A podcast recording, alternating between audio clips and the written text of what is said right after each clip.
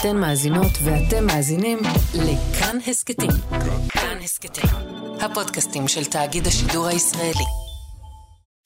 גם כן תרבות, עם גואל פינטו. הוא התחיל כשחקן. כבר אה, לפני גיל עשר עלה אל הבמה ובמשך שנים בילה בעולם התיאטרון. בסוף שנות ה-70 הוא יעבור ללוס אנג'לס, יתחיל לכתוב תסריטים, ימכור אחדים מהם, חלקם אפילו יופקו כפרקים בסדרות הטלוויזיה המיתולוגיות קווינסי וגברת קולומבו. ב-1983 הוא יתחיל עם מה שיהפוך לפרויקט חייו, ואותו לשם מוכר בעולם כולו. כולו, סדנת סיפור, Story, סדנה שכשמה הוא מלמד בה כיצד מספרים סיפור. עשרות אלפים בעשרות מדינות בארצות הברית ומחוצה לה השתתפו בסדנאות שלו. בין התלמידים הרבים שלמדו אצלו אפשר למנות את ג'פרי ראש, דיוויד בואי, קירק דגלס ורבים רבים אחרים. ב-1997, לפני רבע מאה, הוא יפרסם את הספר סיפור, ספר שיהפוך למכה, לתנ"ך של הכותבים בעולם, ספר ששהה עשרות אה, שבועות ברשימות רשימות רבי המכר ברחבי העולם ותורגם לעשרות שפות, עברית ביניהם. אנקדוטה נחמדת, את המבוא לספר בעברית כתב ראש הממשלה, יאיר לפיד. לפני עשרים שנים הוא זוכה לתהילה והופך מסוד של קהילת הכותבים לסוד גלוי של צופי הקולנוע בעולם, כאשר באדפטיישן שכתב צ'רלי קאופמן, סרט שהיה מועמד לארבעה אוסקרים, ביניהם לתסריט הטוב ביותר, מככבת דמות המבוססת עליו ונקראת בשמו. מי שמגלם אותו בסרט הוא השחקן בריאן קוקס. הנה, ייזכרו מתוך הסרט עצמו. Sir, what if a writer is attempting to create a story where nothing much happens, where people don't change, they don't have any epiphanies, they struggle and are frustrated and nothing is resolved? More a reflection of the real world. Nothing happens in the world? Are you out of your fucking mind? People are murdered every day. There's genocide, war, corruption. Every fucking day, somewhere in the world, somebody sacrifices his life to save somebody else. Every fucking day, someone somewhere takes a conscious decision to destroy someone else. People find love, people lose it. For Christ's sake, a child watches a mother beaten to death on the steps of a church. Someone goes hungry. Somebody else betrays his best friend for a woman. If you can't find that stuff in life, then you, my friend, don't know crap about life. And why the fuck are you wasting my two precious hours with your movie? I don't have any use for it. I don't have any bloody use for it. שמעתם בעצמכם, זה ניקולס קייג'. אתם זוכרים את התפקיד הראשי של ניקולס קייג' בסרט, אומר לרוברט מקי, הדמות, אותו מגלם בריין קוקס, מה אם שום דבר לא קורה בעולם שלי? והנה רוברט מקי צורח עליו כמו שרק הוא יודע לצרוח. אתה השתגעת? יש רציחות, יש ילד שרואה את האימא שלו מוכה. אם אתה לא מוצא את זה בחיים, אתה לא יודע שום דבר. ואם אתה לא יודע שום דבר, למה לעזאזל אתה מבז... לבזבז את הזמן שלי עם הסרט שלך. עכשיו, כשהוא בן 81, ואחרי שהסתובב בעולם כולו וזכה אפילו להומאז' בפרק בלתי נשכח בסדרת האנימציה משפחת סימפסון, יוצא רוברט מקי למסע האחרון שלו. איני יכול עוד, הוא יאמר לנו בעוד רגע, ורגע הפרידה יהיה דווקא אצלנו, כאן בתל אביב, בסדנה שהוא ייתן ב-23 בחודש באוניברסיטת באוניברסיטת תל אביב. מי שמביא אותו לארץ הוא הבמאי והמפיק ארי דוידוביץ', שכבר הביא אותו אלינו פעמיים קודמות. אז אני שמח לארח הבוקר בתוכנית שלי את הגורו של עולם הכתיבה, את האיש שיודע לספר סיפור יותר טוב מכולם, רוברט מקי. אני אקיים את השיחה באנגלית, אני אתרגם במהלכה. מיסטר רוברט מקי, thank you so much for being with us. Well, thank you very much. It's my pleasure. אמרתי, מר מקי, למאזינות ומאזינים שלי, שאתה הגורו של, של אומנות הסיפור. אז איך כדאי שאני אספר למאזינים שלי את הסיפור של רוברט מקי? Well, the questions like that are um, infinite number of answers. So you you know you could pick what chronologically. You could start where you know when I was born, or you could pick up um, uh, getting up this morning. So. Um, in order to answer a question like that, you know, you need a lot of uh, primary um, definitions. Like, do we define Mr. McKee by what he does for a living, for his profession, or uh, uh, his uh, family, or his um, psychic inner life? How do you answer a question like that? I will uh, translate with your permission איך לספר למאזינים שלי את הסיפור של, רב, של רוברט מקי. הוא עונה לי, יש אין סוף תשובות לשאלה הזאת. אתה יכול לספר את הסיפור כרונולוגית, אתה יכול לספר ולהתחיל כשנולדתי, או אתה יכול להתחיל בבוקר שקמתי היום. כדי לענות על השאלה הזאת, הוא אומר, אתה צריך הרבה הגדרות ראשוניות, כמו למשל, האם אנחנו מגדירים את מר רוברט מקי לפי מה שהוא עושה בחיים. בחיים שלו, במקצוע שלו או במשפחה שלו. ואתה, מר מקי, איך אתה מגדיר את עצמך? I, let me define myself by what I do. I teach and I write, and I teach and write about writing. The world of writers and their the art form of story has fascinated me since I was a very little. I think I was eight years old when um, my father first started having me read um, Aesop's fables and interpret them uh, to explain uh, to him uh, what I thought they meant beyond the, the fables meaning.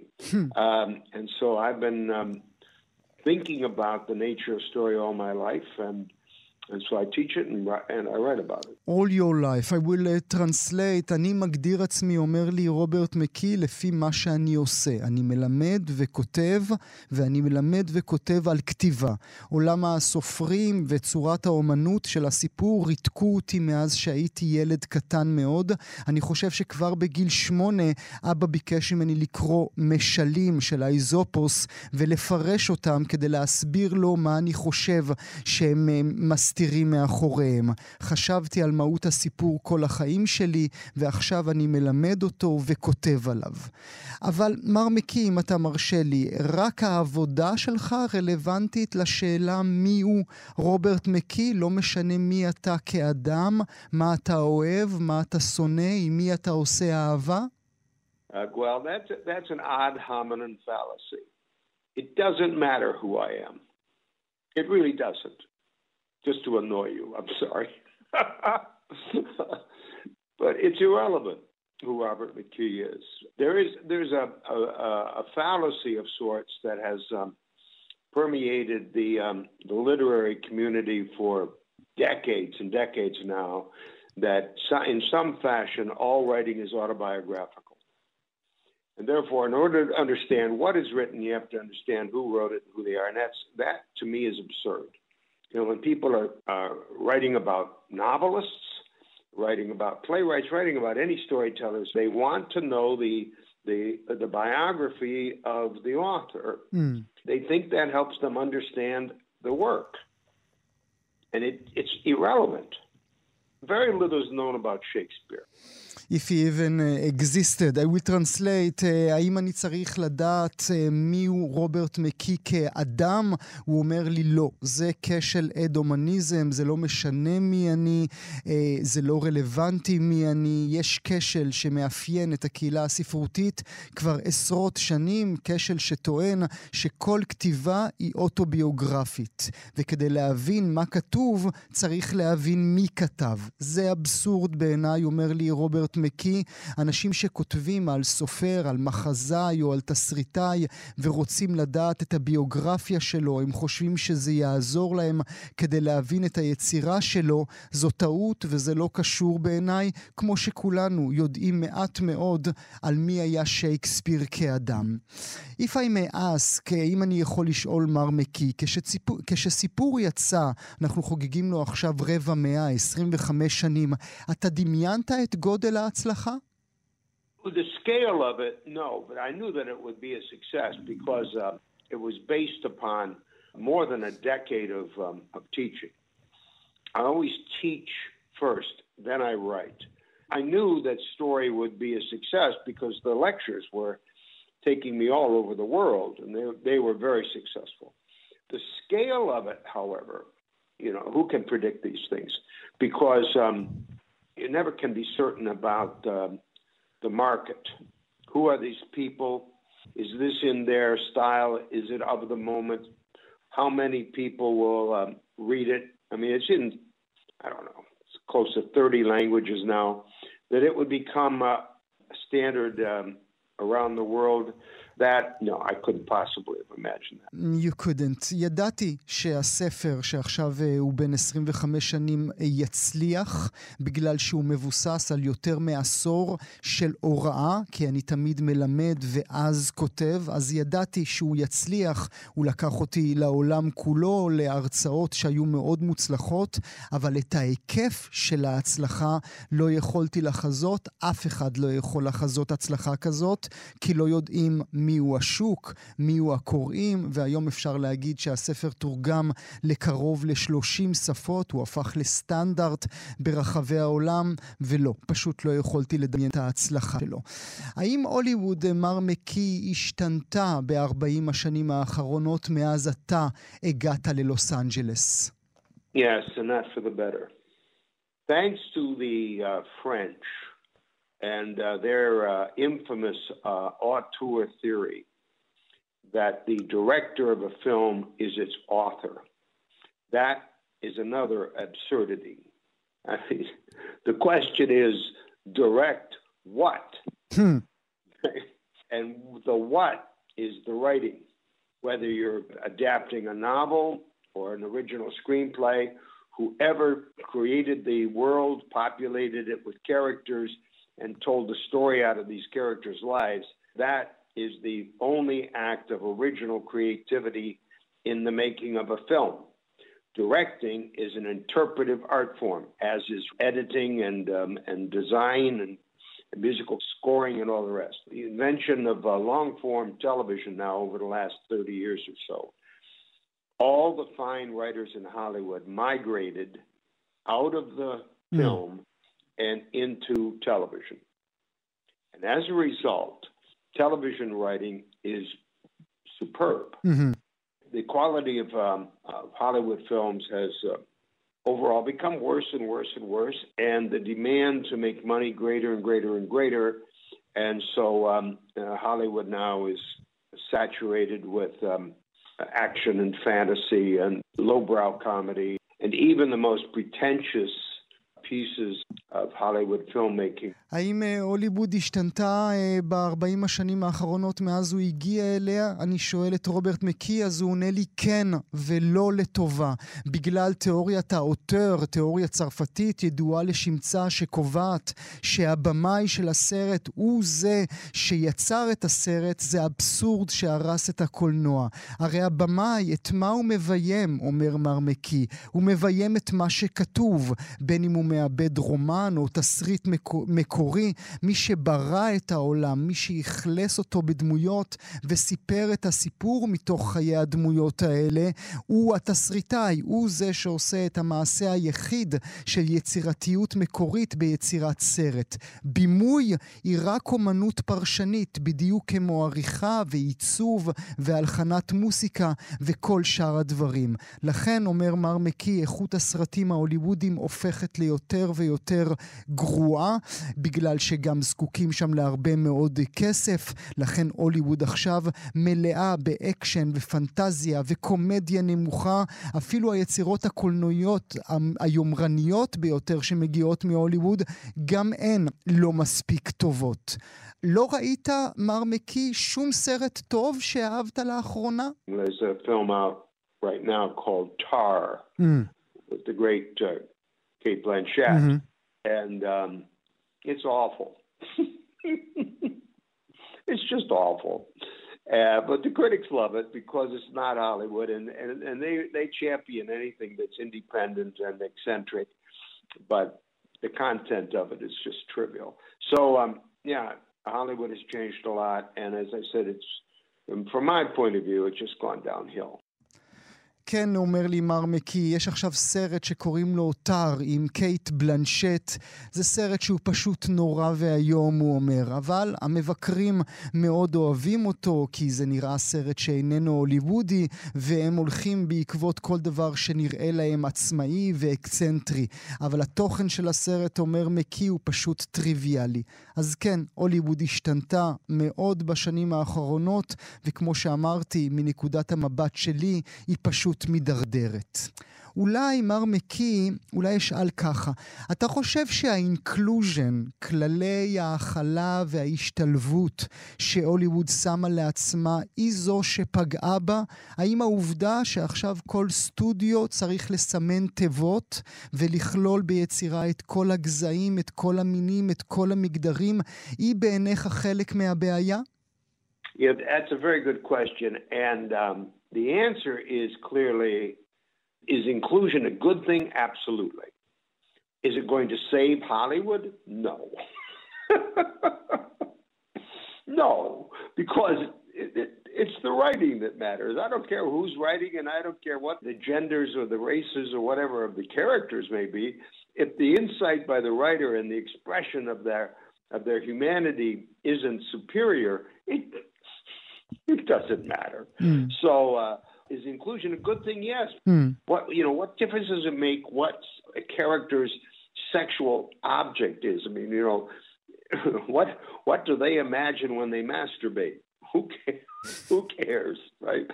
So now it's um, racism is under um, scrutiny, and um, a lot of you know interracial casts, and these are wonderful advances because in time, in time, it'll all become invisible.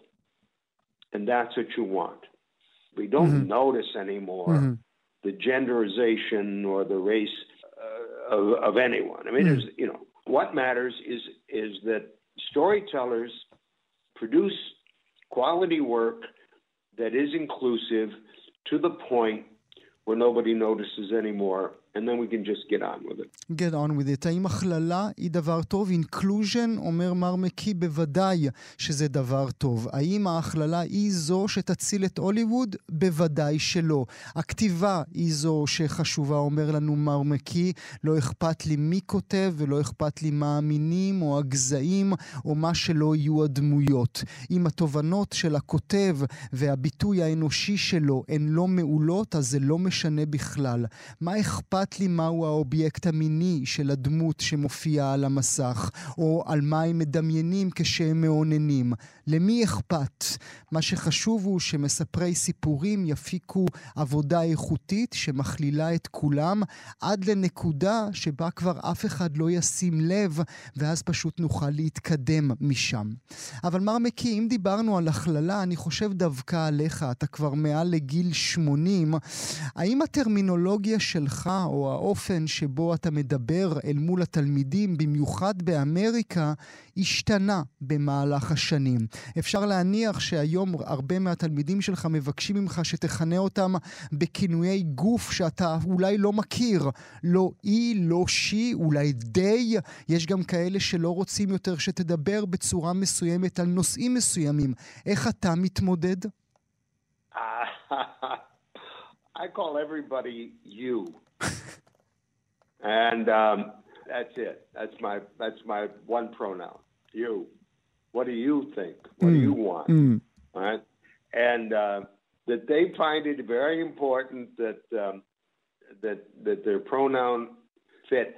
I, I know one thing for sure that a large percentage of those people who are super concerned about their pronoun today over the next uh, 20 years will change their pronouns and um, they will decide that they were wrong in their youth. But right now, to them, they're very passionate about it. Fine, fine. Now, when I when I refer to people um, as um, snowflakes, because I have to introduce my seminars now with trigger warnings uh, that I'm going to use um, some rough language, and that I might even use uh, profanity. That I'm going to talk about and make reference to things like religion, politics, sexuality, um, and that I am going to acquaint my students with reality. Mm. It'll be in their face, as we say, because so many of them have been raised by parents who don't want their children to have to cope with reality. Mm. And so they have protected them from reality. You know, I point out to them that um, reality, as the word implies, is real, Mm. and there's no escaping it. Can't escape. I, I will translate with your permission, Mr. מקי. אה, אני פשוט קורא לכולם יהיו, אומר לנו רוברט מקי, כאשר אני שואל אותו על כל כינויי הגוף החדשים שסטודנטיות וסטודנטים מבקשים היום שיקראו להם. זה כינוי הגוף היחיד שאיתו אני פונה אליהם, הוא אומר לי. אה, זה נכון שחשוב להם היום מאוד שיפנו אליהם בהתאם לכינויי הגוף שלהם, אבל דבר אחד אני יודע, אומר אה, מר מקי, אחוז גדול מהאנשים האלה שמודאגים היום מלשון הפנייה, ישנו במהלך 20 השנים הבאות את הכינויים שלהם ויחליטו שהם טעו בצעירותם. כשאני עומד אה, מול סדנה, כשאני עומד מול תלמידים, מוסיף רוברט מקי, אני תמיד נותן להם אזהרת טריגר. אני מודיע להם מראש שאני הולך להשתמש בשפה גסה, שאני הולך לדבר על דת, על פוליטיקה ועל מין, ובעיקר שאני הולך להציג בפניהם את המציאות כמו שהם. רבים מהתלמידים היום גדלו על ידי הורים שלא רוצים שהילדים שלהם יתמודדו עם המציאות, ואני אומר להם שהמציאות, כמו שהמילה מרמזת, היא אמיתית ואין מנוס ממנה. אולי, I will ask you, Mr. מקי, אתה מדבר על מציאות. אתה מחשיב את הקולנוע כאומנות שמשקפת את המציאות, או כקולנוע שיוצר את המציאות? That question, that's a very good question, and it has been around for the longest time. My thought is that uh, reality precedes art, and that art is an interpretation of the real, and that by the time artists uh, recognize a certain phenomenon in society and or in their experience, and they um, and they begin to write about it the sources of that phenomenon are at least 10 years old. And so the notion that the work of art actually causes a phenomenon in the world, I think, is absurd. I think that artist was sensitive to the change, the deep change that was already going on, Mm. but was the first person, let's say, to re- to react to it with a work of art. And so it looks like the Mm. work of art actually caused something to Mm. happen. Mhm. But I would suggest that the work of art is a reaction to what was already happening. זו שאלה שנשאלת הרבה מאוד שנים, אומר לנו אה, מר מקי. בעיניי, המציאות קודמת לאומנות, והאומנות היא פרשנות של המציאות. האומן מזהה משהו מסוים בחברה או בחוויה הפרטית שלו, ורק אז הוא מתחיל לכתוב עליה. התפיסה שיצירת אומנות גורמת לשינוי בעולם היא בעיניי אבסורדית. האומנים רגישים לשינוי, אבל השינוי כבר התרחש. אבל אתה לא חושב, מר מקי, שכשאתה מלמד את התלמידים שלך שכל סיפור צריך נבל, אז בעצם אתה יוצר מציאות, אולי אפילו, אם אתה מרשה לי, יציר, מציאות כמו זו שוויל סמית באוסקר האחרון עולה לבמה ומחטיף סטירה לקריס רוק. הרי אתה ביקשת שיהיה נבל, הנה, הוא נבל. Now, you, you, you weren't looking carefully at that moment. You know why Will Smith slapped Chris Rock? Because his wife made him do it. Mm. It wasn't anything to do with the whole cultural forces. This was very primitive. Chris Rock made a joke about his wife's shaved head. Mm-hmm. He laughed first. Yeah. He laughed. And then he looked over at his wife and she shot him a look that sent him across the stage to slap Chris Rock. That was a man and woman acting and reacting to one another. And he did what men do. He was protecting his wife from the pain of being embarrassed by Mm. that comic. And uh, And so uh, the cultural forces that preceded that in the world, uh, once again, putting too much importance on Mm. this. What matters is humanity and the way in which cultures everywhere in the world try to make sense out of reality. And so a film from Israel or a film from Iran, if they're good, they're really, really good, then they add to civilization. If they're not good, then they just distract or, or subtract uh, from civilization. And what we want is the storytellers on all the continents add to the quality of civilization. Only the quality. I will translate. Uh, לא, לא התבוננת טוב על מסך הטלוויזיה, אומר לי רוברט מקי. אתה יודע למה וויל סמית uh, סטר לקריס רוק באוסקר? כי אשתו גרמה לו לעשות את זה. זה בכלל לא היה קשור לכוחות תרבותיים או לנבלים. זה היה מעשה מאוד ראשוני.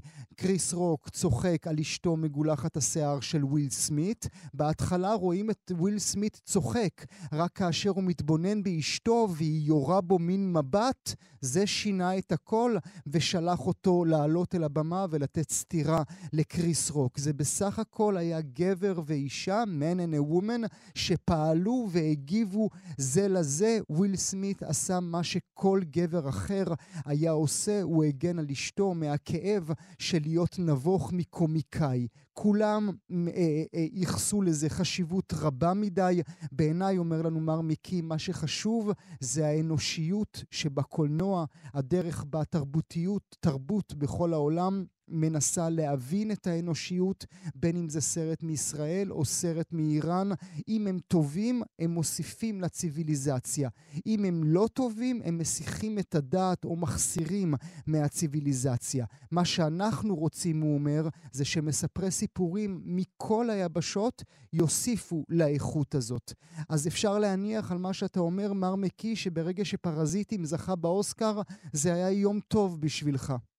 Well, yeah, my wife is Korean, and so it was a very good day.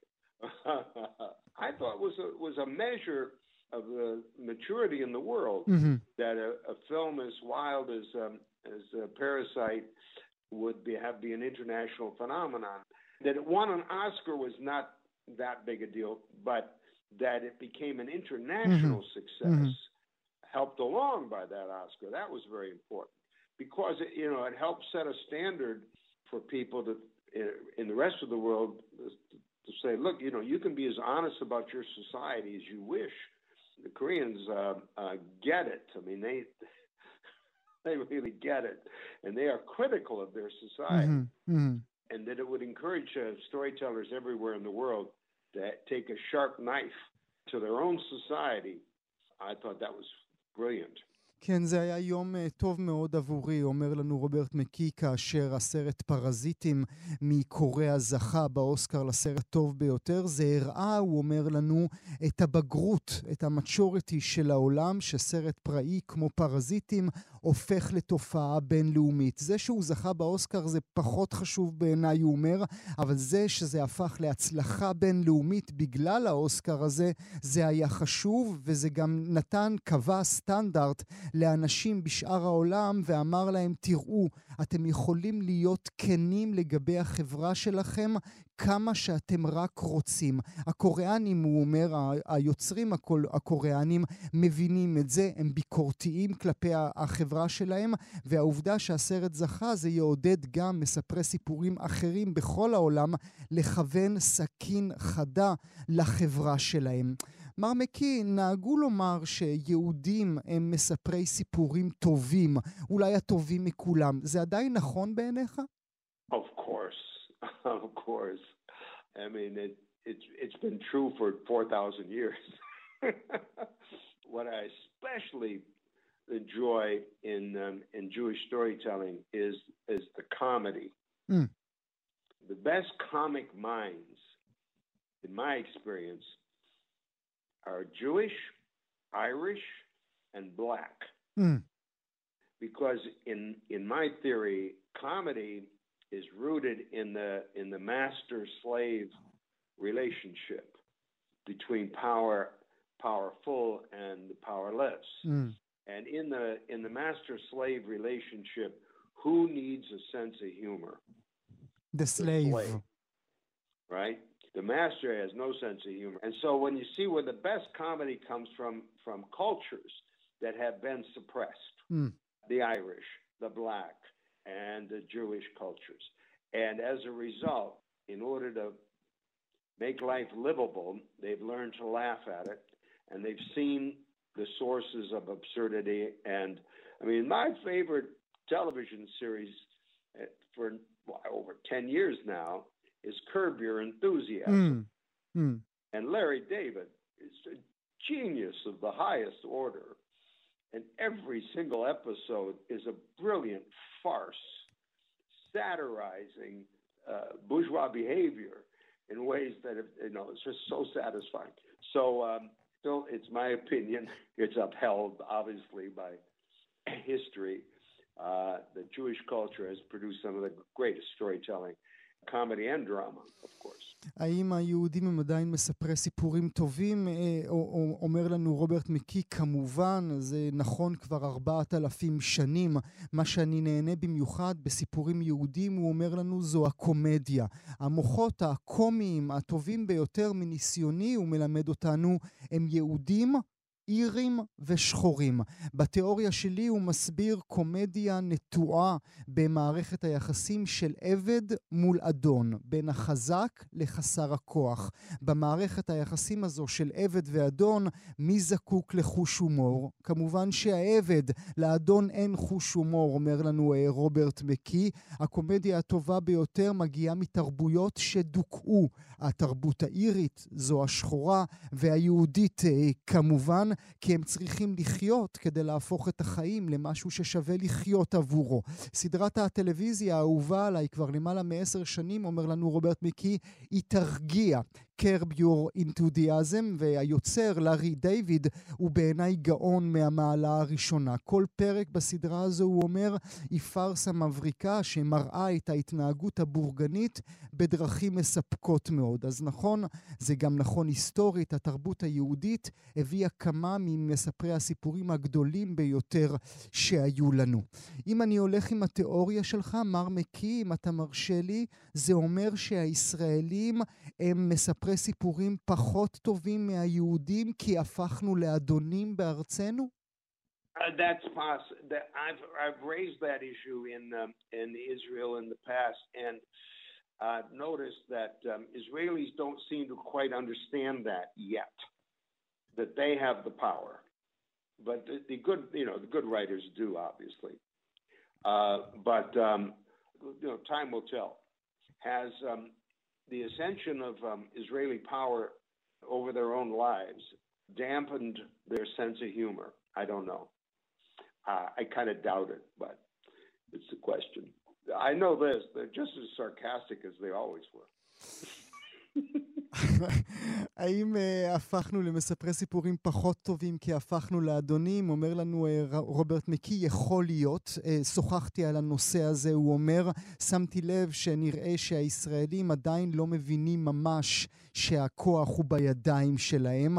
האם העובדה שהישראלי הוא אדון לחייו זה פוגע בחוש ההומור שלו? אני לא באמת יודע, אבל זו שאלה. מה שאני כן יודע, שהישראלים נשארו סרקסטיים כמו שהם תמיד היו. מר מקי, האם זה באמת סיבוב הפרידה שלך מהעולם? Yeah. Yes. Um, I'm I'm now 81 years old, and um, uh, the lectures are a piece of cake for me. I, I don't have any. I enjoy giving these lectures, and the, uh, I've got all the energy I've ever had. uh, but what what sucks the life out of you is travel. Mm. You know, even to even from traveling from New York to Los Angeles, uh, getting into a hotel, it's it, the free driving to back and forth to the seminar on the high freeways of uh, LA, the traffic, um, and, and eating in restaurants. Oh God. Uh, um, all of that is just so enervating. Uh, so um, the Tel Aviv uh, seminar will be the last live seminar that I'm going to give I have, I've had to. Um, it's been 40 years. Mm-hmm. Mm. You know, I'm 81. I started doing this when I was 41. So enough's enough. האם זה... האם זה סיבוב פרידה? הוא אומר, כן, כן, זה סיבוב פרידה. אני כבר בן 81. עם ההרצאות הוא מסביר לנו, אין לי שום בעיה, הן קלות עבורי, אני נהנה לתת את ההרצאות שלי, ויש לי את כל האנרגיה שהייתה לי תמיד. אבל מה שגוזל ממני את הכוחות זה הנסיעות, אפילו נסיעה מניו יורק ללוס אנג'לס, הכניסה למלון, הפקקים, האכילה במסעדות, כל זה פשוט מייאש אותי לחלוטין. אז הסמינר בתל אביב יהיה הסמינר החי האחרון שאני אעביר. עברו כבר 40 שנים, התחלתי לעשות את זה כשהייתי בן 41, היום אני בן 81. Enough is enough. אולי מר מקי, to finish this uh, conversation, האם אי פעם חשבת לעצמך מה היה קורה אם לא היית עושה את הסמינר הראשון לפני 40 שנים? Yes, I, of course I have. And um, I would have had a very nice, quiet life writing in Hollywood. But the truth of the matter is that in my heart of hearts, I was more fascinated by the art form itself than executing the art form for myself. Mm. I, I saw my writing on screen, and I, you know, I was a good writer, but I was knowing Mar Bergman. And I, and so I thought, you know, I'll never be Ingmar Bergman, but I might be the Ingmar Bergman of something else. and so I decided to become the, you know, the best possible teacher of uh, writing I could.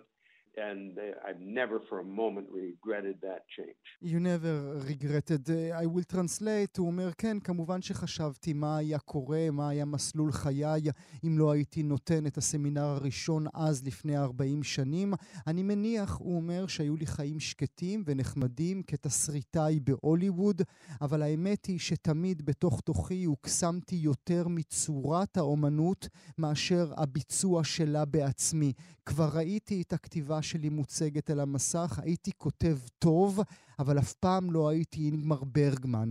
אז חשבתי לעצמי שאם אני אף פעם לא אהיה אינגמר ברגמן, אולי אני אוכל להיות ברגמן של תחום אחר, ולכן החלטתי להיות המורה הכי טוב שאפשר לכתיבה. מעולם לא הצטערתי על השינוי הזה.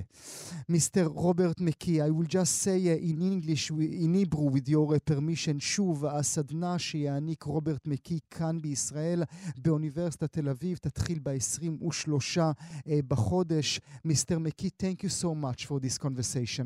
No, you're very welcome, and thank you for inviting me. גם כן תרבות. ראשון עד רביעי בין 9 ל-11. רק בכאן תרבות. אתן מאזינות ואתם מאזינים לכאן הסכתים. כאן הסכתים, הפודקאסטים של תאגיד השידור הישראלי.